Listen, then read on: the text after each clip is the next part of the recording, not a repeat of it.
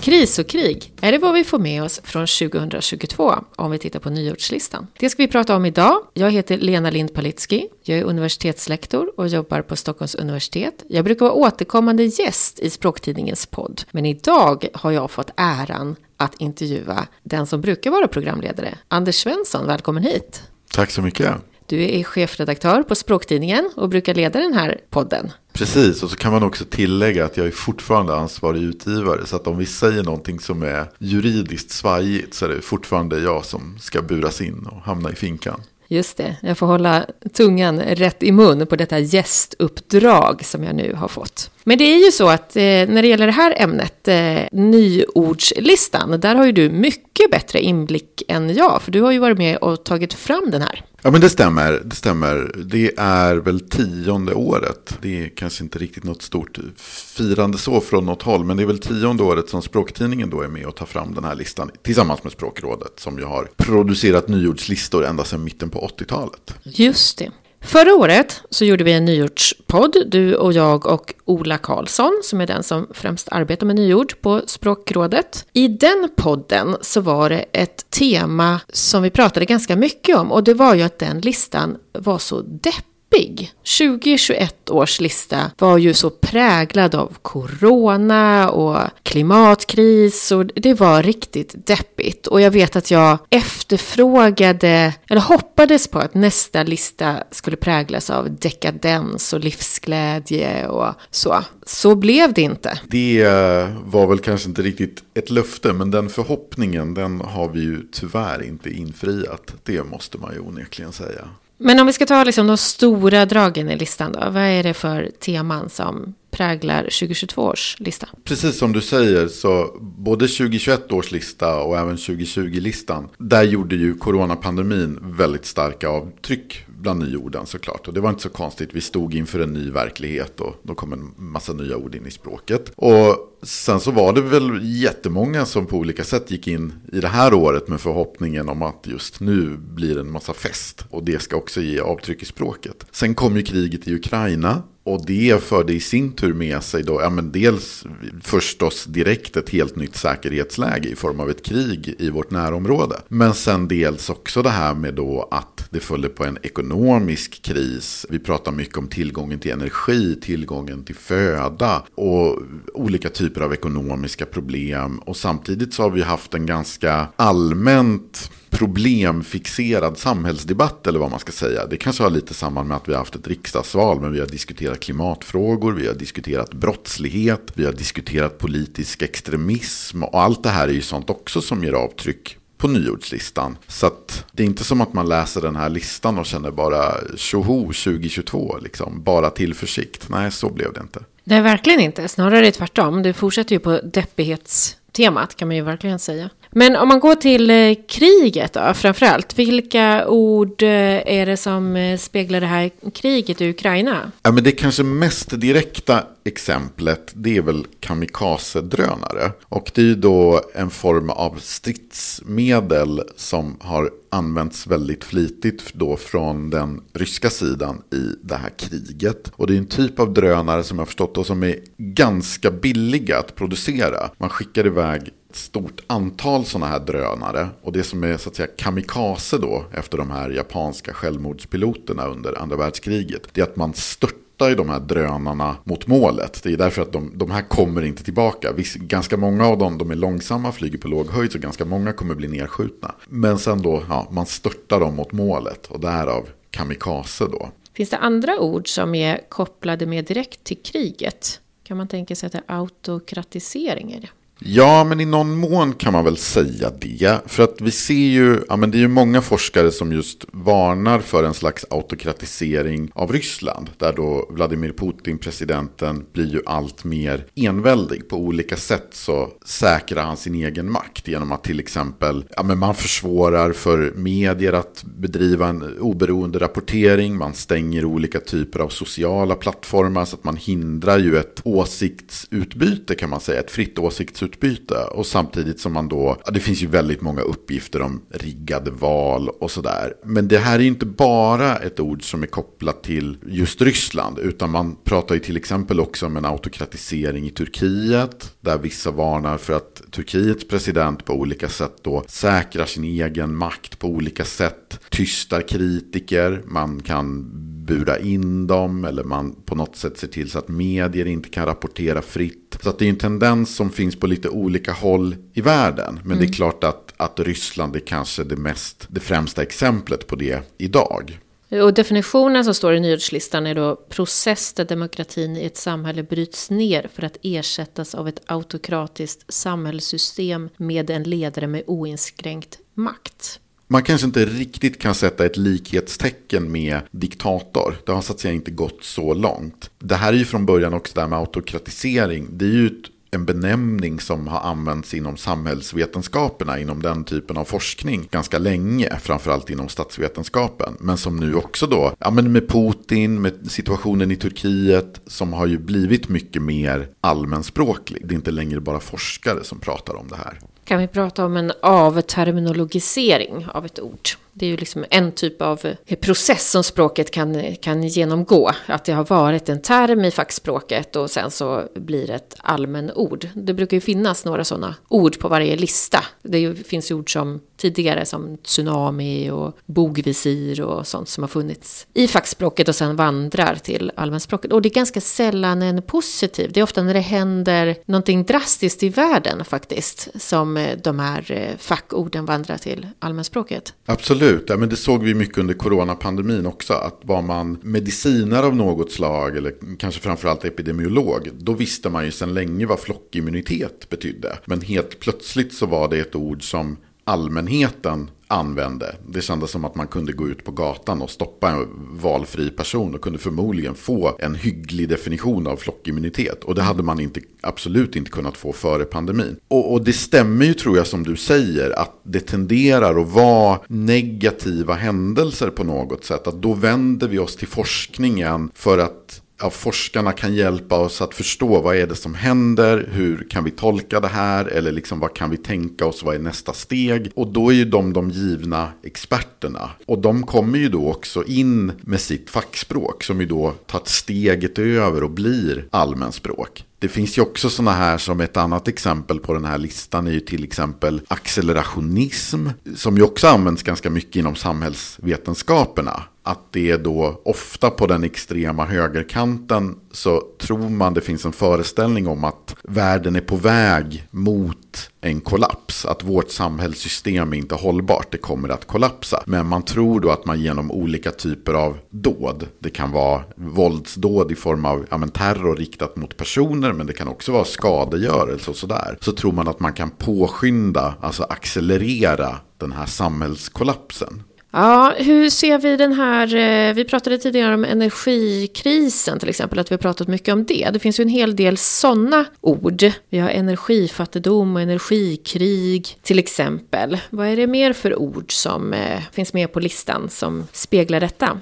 Ja, men I någon mån så kan man ju koppla till exempel Putinpris dit. Att det här med kraftigt stigande priser till följd av invasionen av Ukraina. Och det har ju bland annat handlat om till exempel stigande priser på drivmedel eh, och elektricitet och sådär. Men också livsmedel till exempel. Någonting annat som har kommit i kölvattnet är väl också att man kan ta upp det här. Vi har ju ett nyord som är SMR, en bokstavsförkortning som står för småskalig modulär reaktor. Det är helt enkelt som ett minikärnkraftverk. Och det är också någonting man har börjat titta på på ett helt annat sätt nu efter kriget i Ukraina och när Ryssland då har börjat strypa energileveranser till Europa eller att ja, det har blivit problematiskt att importera drivmedel eller energi från Ryssland. Så det är också ett ord som har koppling till att debatten om energitillgång i allmänhet kan man säga.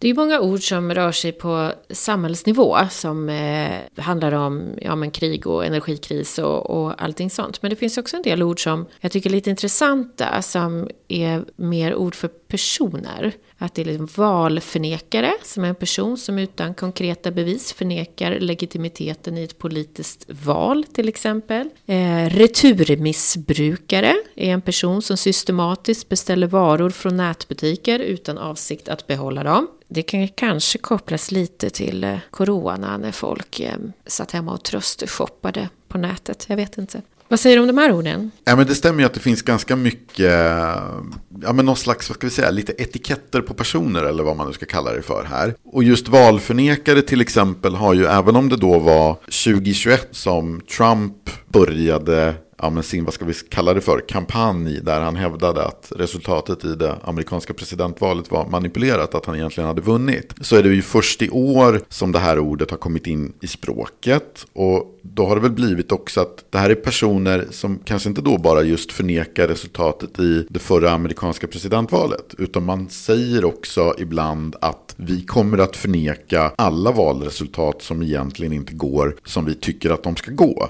För att då anser man snarare att systemet är riggat eller sådär. Att det finns något parti eller någon väljargrupp får en fördel i sig genom hur systemet är utformat. Och då tycker man att oavsett vem som blir vald så är det här illegitimt. Och precis som du var inne på, just returmissbrukare, ja, absolut skulle jag säga en coronakoppling. Näthandeln ökade ju väldigt starkt under pandemin. Men det här är ju också en liten koppling till just den här miljö och klimatdebatten också. Att det är många som, ja, man beställer hem en massa prylar där man, man kanske beställer 20 och man tänker att det, jag kommer som mest behålla ett plagg eller vad det nu är. Och så tänker man kanske inte riktigt på alla de här kostnaderna som är förknippade med de här returerna och den miljöbelastningen som det utgör. Ett annat ord, eh, en benämning på en person, edgelord, har jag aldrig hört. Person som medvetet söker uppmärksamhet och skapar konflikter genom kontroversiella uttalanden. En typ av provokatör alltså. I vilka sammanhang har det här ordet använts? Det här har väl så vitt jag förstår uppstått på den sociala plattformen Reddit. Och då är det ju personer som, ja, som Edge då antyder. Så är man ju någon som verkligen ja, befinner sig i utmarkerna eller på kanterna av vad som är någon slags god smak eller vad man ska säga. Eller det är väl det man helt enkelt vill utmana. Och ganska ofta så kanske gör man det också medvetet. Man vill skapa kontrovers. Ett exempel här eh, som ni har angett i listan är den Kanye West. Så att det, han är Edge Lord alltså. Jag vet inte hur, just hur avsiktligt det är i det här fallet. Men han har ju definitivt lyckats med att Eh, irritera människor och skapa uppmärksamhet för kontroversiella åsikter. Ja.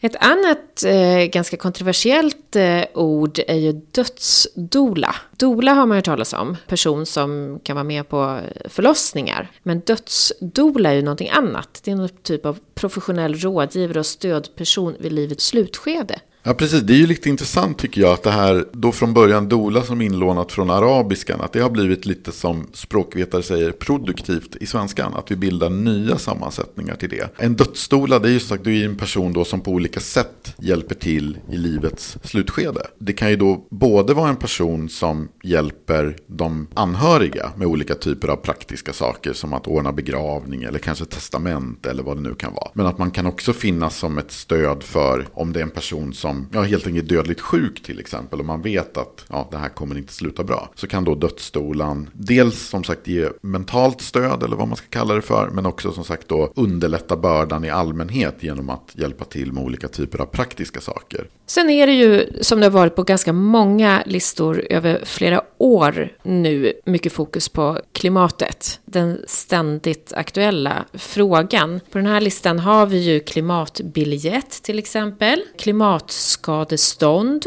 och sen relaterade ord också som matfattigdom och permakris. Vad är det mer för ord? Ja, men till klimatorden så kan man ju lägga till även hungersten skulle jag säga. Och en hungersten det har man ju hittat då på ett antal, ja, men i olika europeiska floder. Någon har ju då ristat för hundratals, hundratals år sedan, alltså ända tillbaka till medeltiden. Och har man ristat in olika typer av budskap. Och de här typerna av budskap har ju ristats in när det har varit torka. Och då kan det ju vara just sådär att om du ser den här stenen, ja då vet du att det är illa. Ungefär så är temat, för då är vattenståndet i den här ja, livgivande floden som ser till att det växer på odlingar och sådär, då är det vattenståndet så lågt så att man vet att det blir matbrist. Dels så tycker jag, även om det här är också ett ganska deppigt ord då, så tycker jag ju att det är, det är väl ett intressant ord och också kanske lite av en av mina favoriter. Dels är det så här, det är väldigt metaforiskt med hungersten på något sätt. Och sen så är det ju också intressant på det sättet att vi har lånat in det från tyskan.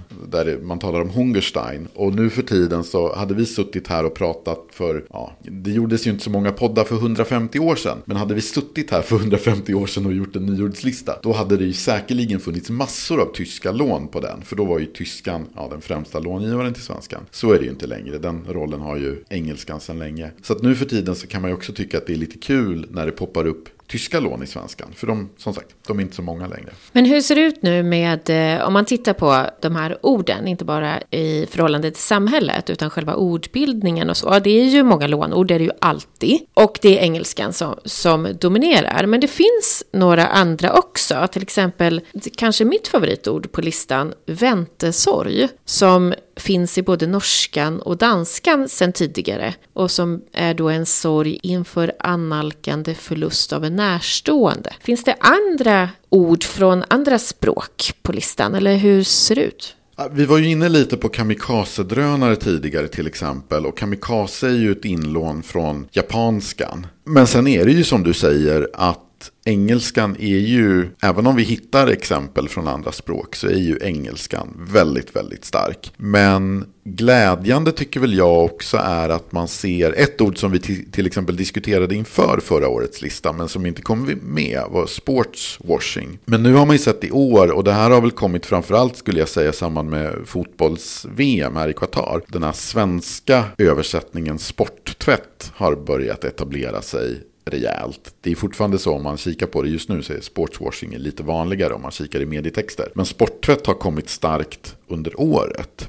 Men vad finns det annars för ordbildningstrender? Det är ju väldigt många substantiv, så brukar det vara. Det finns några få verb tror jag. Brösta är ett exempel på verb och ett par adjektiv kanske, eller hur ser det ut? Det är ju väldigt dominerat av sammansatta substantiv, absolut. Det finns ju ett adjektiv som är agrivoltaisk och så har vi också då en verbfras, ha dagen. Men annars är det ju nästan bara substantiv. Det stämmer, det stämmer. Och så brukar det ju se ut också. Jag har ju någon gång räknat statistik på, eftersom att jag ja, gillar sånt, räknat på, på nyordslistorna. Och i allmänhet så är det ju ungefär så att tre fjärdedelar av nyorden är substantiv. Och då är ju sammansättningar är ju i sin tur i majoritet bland de nya substantiven. Och sen så är, det, så är det lite verb och det är lite adjektiv och sen väldigt sällan någonting annat som ett nytt pronomen eller någonting sånt. Äh, det får man ju vänta sådär tusen år eller så emellan. Ja. Det är nästan så, ja. Det brukar alltid finnas lite teleskopord också, när man drar ihop två olika ord. Nu hittar jag bara det här vertiport. Säger man så? Eller hur uttalar man det? Ja, det är frågan hur man uttalar det egentligen. Man kan ju tänka sig att man säger vertiport också. Mm. Och det är ju då ja, bildat i engelskans vertical och airport. Så där får man väl se lite vad uttalet blir. Men jag skulle väl gissa på vertiport kanske. Ett annat som är lite teleskopordaktigt eller vad man ska säga. Det är också en sån här lite svåruttalat. Det är väl urbexare. Och inte då tror jag som man kanske kan tänka sig att man ska läsa det urbexare. Där skulle man ju vara hjälpt av ett bindestreck faktiskt. Ja. Mm. Och vad är det? Det är ju då bildat i engelskans Urban Exploration. Och det i sin tur har ju då blivit teleskopordet UrbX eller Urbex. Och så har vi lånat in det i svenskan. Och nu så använder man ju då det här om personer som ägnar sig åt sån här då urban utforskning. Och det man är intresserad av det är ju övergivna miljöer. Det kan vara nedlagda fabriker fabriker eller eh, tågstationer som inte längre används. Eller den typen av miljöer. Kan man också säga att man ska ut och urbexa? Jag ska ut och urbexa i eftermiddag. Ja, men jag tror att skulle du gå omkring här i korridorerna på Stockholms universitet, då kanske skulle vara många av dina kollegor som skulle undra vad du egentligen skulle syssla med. Men däremot om du skulle säga det bland folk som faktiskt ägnar sig åt det här, då skulle de ju förstå vad du menar. Jag får leta upp dem och se hur, hur det går. Urbexar i Lena Lind Palitskis ja, närhet. ska bli mitt nya. Ja. Men du, ska vi säga någonting också om hur den här listan görs? Alltså hur gör ni urvalet? Hur hittar man de här nya orden? Det är ju vi på Språktidningen och på Språkrådet som spanar helt enkelt. Vi tar in förslag från allmänheten. Vi brukar väl ha en brutto bruttolista eller liksom omkring 300 ord. Och sen så vaskar vi fram de här orden och då tittar vi på, ja men dels vill vi att orden ska ha ganska stor spridning i det som vi kallar för allmänspråket. Och allmänspråket, ja men det är till exempel det som man hittar i medierna eller liksom kommer i information från myndigheter eller sådär. Och sen förstås som man kanske anar av just när vi kallar det nyordslista, det måste vara ganska färskt. Det behöver inte vara purfärskt för 2022 22 i det här fallet. Men eh, det ska inte finnas i ordböcker redan. Det kan ha funnits i några år men vi vill ju att i sådana fall att det ska ha varit en tydlig ökning under det senaste året. Sen i någon mån, det är kanske inte det viktigaste kriteriet men vi vill ju ändå på något sätt också att de här orden ska återspegla året som har gått. Att kanske på något sätt fånga upp de viktigaste diskussionerna i samhället, de största nyhetshändelserna eller sådär. Så att kan vi på något sätt lite illustrera det gångna året i ordform så är väl det en liten bonus också. Hur tror du att årets lista kommer att tas emot? Jag kommer ihåg att när vi spelade in den här podden förra året så sa du just så här, men jäklar vilken deppig lista. Och det intressanta var ju att Ola och jag som jobbat med listan hade väl inte riktigt reflekterat över det innan. Man har ett sånt tunnelseende när man jobbar med listan. Man jobbar bara med de enskilda orden och sådär. Och, och ser kanske inte sammanhangen på det sättet som en som kommer utifrån och gör som du. Nu är man ju lite mer förberedd på det här. Jag tror att vi efter reaktionerna på förra år, årets lista har haft det där, har varit lite mer medvetna om det här. Så att jag tror ju att den kommer ses som en depplista samtidigt så tycker väl jag också att det blir lite underligt om vi skulle sitta och kvotera in någon slags glada ord bara för att vi inte vill bli för, kännas för deppiga. Det är lite samma sak som nyhetsbyrån TT fortsätter ju att rapportera om krig och inflation och vad det nu är. Och det är klart att man är medveten någonstans om väldigt många av de här nyheterna är inte så festliga. Men det är ändå inte så att man börjar skriva nyhetsartiklar om att ja men titta, fåglarna kvittrade i morse också när vi steg upp. Hurra, hurra, hurra. Det händer ibland att man får lite positiva nyheter. Jag läste faktiskt en häromdagen om just en fågel. Ah, mm. Ja men du ser, då var det kanske någon som hade tänkt att nu måste vi få in något litet uppiggande i flödet. Deppigt, ja, ja. Men eh, jag skulle ändå säga att det finns ett par ord som anar någon typ av positivism på den här listan. Vad, tänk, e Nej, jag tänkte på vad tänker du på epadunk, alltså. Som jag inte har hört, men fattar ju direkt vad det är för någonting. Speciellt eftersom jag kommer från en liten bruksort i Norrland. Musikgenre som förknippas med A-traktorer, i folkmun kallade epatraktorer. Men det här kan väl inte vara nytt?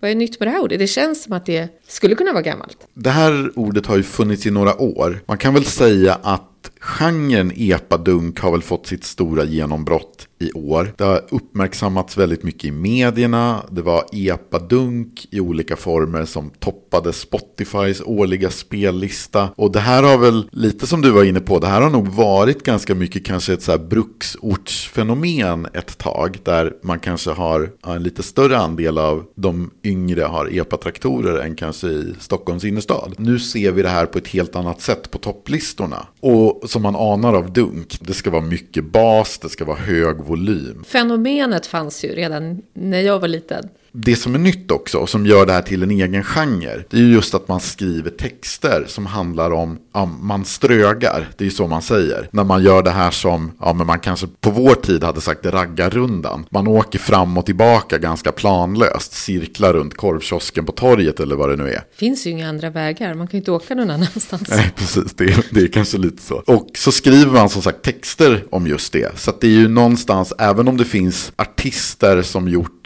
epadunksvänliga låtar tidigare så har det väl blivit en målgruppsanpassning som gjort det till en egen genre eller vad vi nu ska säga. Det lärde jag mig något nytt alltså. Ut och ströga. Ja, jag måste ut och ströga om jag inte ska urbexa. Men det mest positiva ordet på listan, eller det är egentligen en verbfras då, det är väl ändå det här ha dagen. Det är att pricka in toppformen vid rätt tillfälle, ha flyt. Precis, och som man kanske anar om när man pratar om toppform och flyt. Så det här kommer ju från idrottsvärlden. Där pratar man ganska mycket om att om en spelare har dagen, ja men då kan det här fotbollslaget eller vad det nu är skrälla och besegra ett ett annat lag som på pappret kanske är bättre. Även om det förstås är en ganska deppig lista. Så det finns ju också ord där man ändå anar något slags framåtsyftande. Att, att tekniken kan vara någonting positivt till exempel. Man kan ju tänka sig att det här Vertiporten. Ja, det kanske är framtidens flygplatser helt enkelt. Men med mindre miljöbelastning och sådär. Och kanske smidigare transporter i allmänhet inte mitt expertområde, men jag har ju förstått att klickkemi, som ju var en, en typ av kemi där som belönades med Nobelpriset i år, att det också erbjuder stora möjligheter. Så det finns ju lite framåtanda åtminstone. Vi slutar med lite positiva ord. Men jag vill ändå, en fråga som du kommer att få när du sitter här och, och svarar på nyhetslistan. Det är ju vilket är ditt favoritord? För den frågan kommer alltid. Nu sa jag att mitt favoritord nog är väntesorg. Ja, vad är, det så, vad är det som gör dig så förtjust i det? Därför att jag tycker att det väldigt väl beskriver vad det är för någonting och att det sätter ord på någonting som många förstår, eller liksom har erfarenhet av eller förstår vad det är så. Och att det är ett genomskinligt ord. Man förstår direkt vad det betyder. Och den typen av ord tycker jag är de bästa. Som att de fyller en lucka där vi inte riktigt har haft ett bra ord tidigare. Sen gillar jag kanske att det är ett lånord från danska och norska. Ja, men det sticker ju ut lite på det sättet. Det fångar väl ett, ett fenomen verkligen, det ordet tycker jag. Men vilket var ditt favorit då? Hade du något? Nu har du fått lite tid att tänka. Jag har fått lite tid att tänka. Jag är ju lite som sagt lite förtjust i det här hungersten. Mm. Till skillnad från väntesorg så är inte det alls särskilt genomskinligt. Men jag gillar ju det här, det finns någon slags metaforiskt poetiskt i det här. Och som sagt lite kul att det är ett lånord från tyskan. Men sen är det ju, tycker jag, också lite kul med de här nya fraserna som ändå kommer in. Som ha dagen. Det här är en fras som jag tycker är ganska genomskinligt. Jag tror att jag upptäckte den här på sport, någon sportbevakning i något sammanhang och hade inte hört det innan. Men jag tyckte ändå så här, man förstod på en gång. Och så också just det här lite roligt att jag har försökt leta, är det här ett engelskt inlån på något sätt eller så? Men jag... Det låter ju lite som det. Ja visst gör det det. Mm. Men jag har inte hittat någon motsvarighet här. Om, om någon lyssnare har bättre koll eller liksom har kunskap om det får man jättegärna höra av sig. Men så vitt jag kan se så finns det ingen engelsk förlaga. Det är en ovanlig ordbildning i svenskan, måste man ju säga, att man ska ha dagen. Och så tänker man också på have a nice day, som är ha en bra dag, som ett direkt översättningslån. Att det skulle ha någonting med det att göra, men det verkar det inte ha då. Precis, man tänker det är bildat på ungefär som Seize the Day ungefär eller mm. någonting sånt. Så att även om det kanske inte är inlånat från engelskan så kan man väl ändå tänka sig att det finns ett mönster som kanske har påverkat den här verbfrasen. Men ja. Kanske blir det nya tatueringstrenden istället för carpe diem så kan man tatuera in ha-dagen. Tips till dig Anders. Okej, kan vi inte bara säga någonting om vad vi tror? Förra året så gissade vi på att det skulle bli, eller vi hade förhoppningar om en ljusare lista i år. Den förhoppningen kom på skam. Vad tror vi om 2023 års lista? Ja, det där är ju en knepig fråga, särskilt när man då sitter med facit från hur det blev med 2021-listan och förhoppningarna inför 2022. Det skulle kännas lite för tråkigt att sitta här och säga äh, men det kommer nog bli ett jäkla tråkigt år till med ännu mer skenande inflation arbetslöshet och ännu mer krig. Så att man får väl hoppas på ord som står för fred, frid, fest. Ord på F. Ja, ord på F och eh, jag höll på att säga fögkonjunktur, men högkonjunktur eller någonting. Nej, men det är väl ändå det man får hoppas på, för det, alternativet känns lite för tråkigt. Mm. Vi får återkomma om ett år igen. Till dess ska vi gå ut och ha dagen kanske? Vi ska absolut ha dagen tycker jag. Ja. Det låter alltid som en plan. Tack så mycket Anders Svensson för att jag fick vara programledare idag och för att du fick vara gäst. Tack så mycket själv. Tack för ett eh, strålande inhopp här. Och tack till dig som har lyssnat. Prenumerera gärna på oss i din poddtjänst och följ oss i sociala medier så att du inte missar något avsnitt. Vi finns på Facebook, Instagram, Twitter och LinkedIn. Och dela gärna avsnittet och tipsa gärna andra språkintresserade om podden. Är du nyfiken på Språktidningen och vill teckna en prenumeration kan du gå in på spraktidningen.se och pröva två nummer för 99 kronor. Du kan också testa en digital prenumeration. Då får du tre månader av den digitala upplagan för bara 39 kronor. Tack och på återhörande!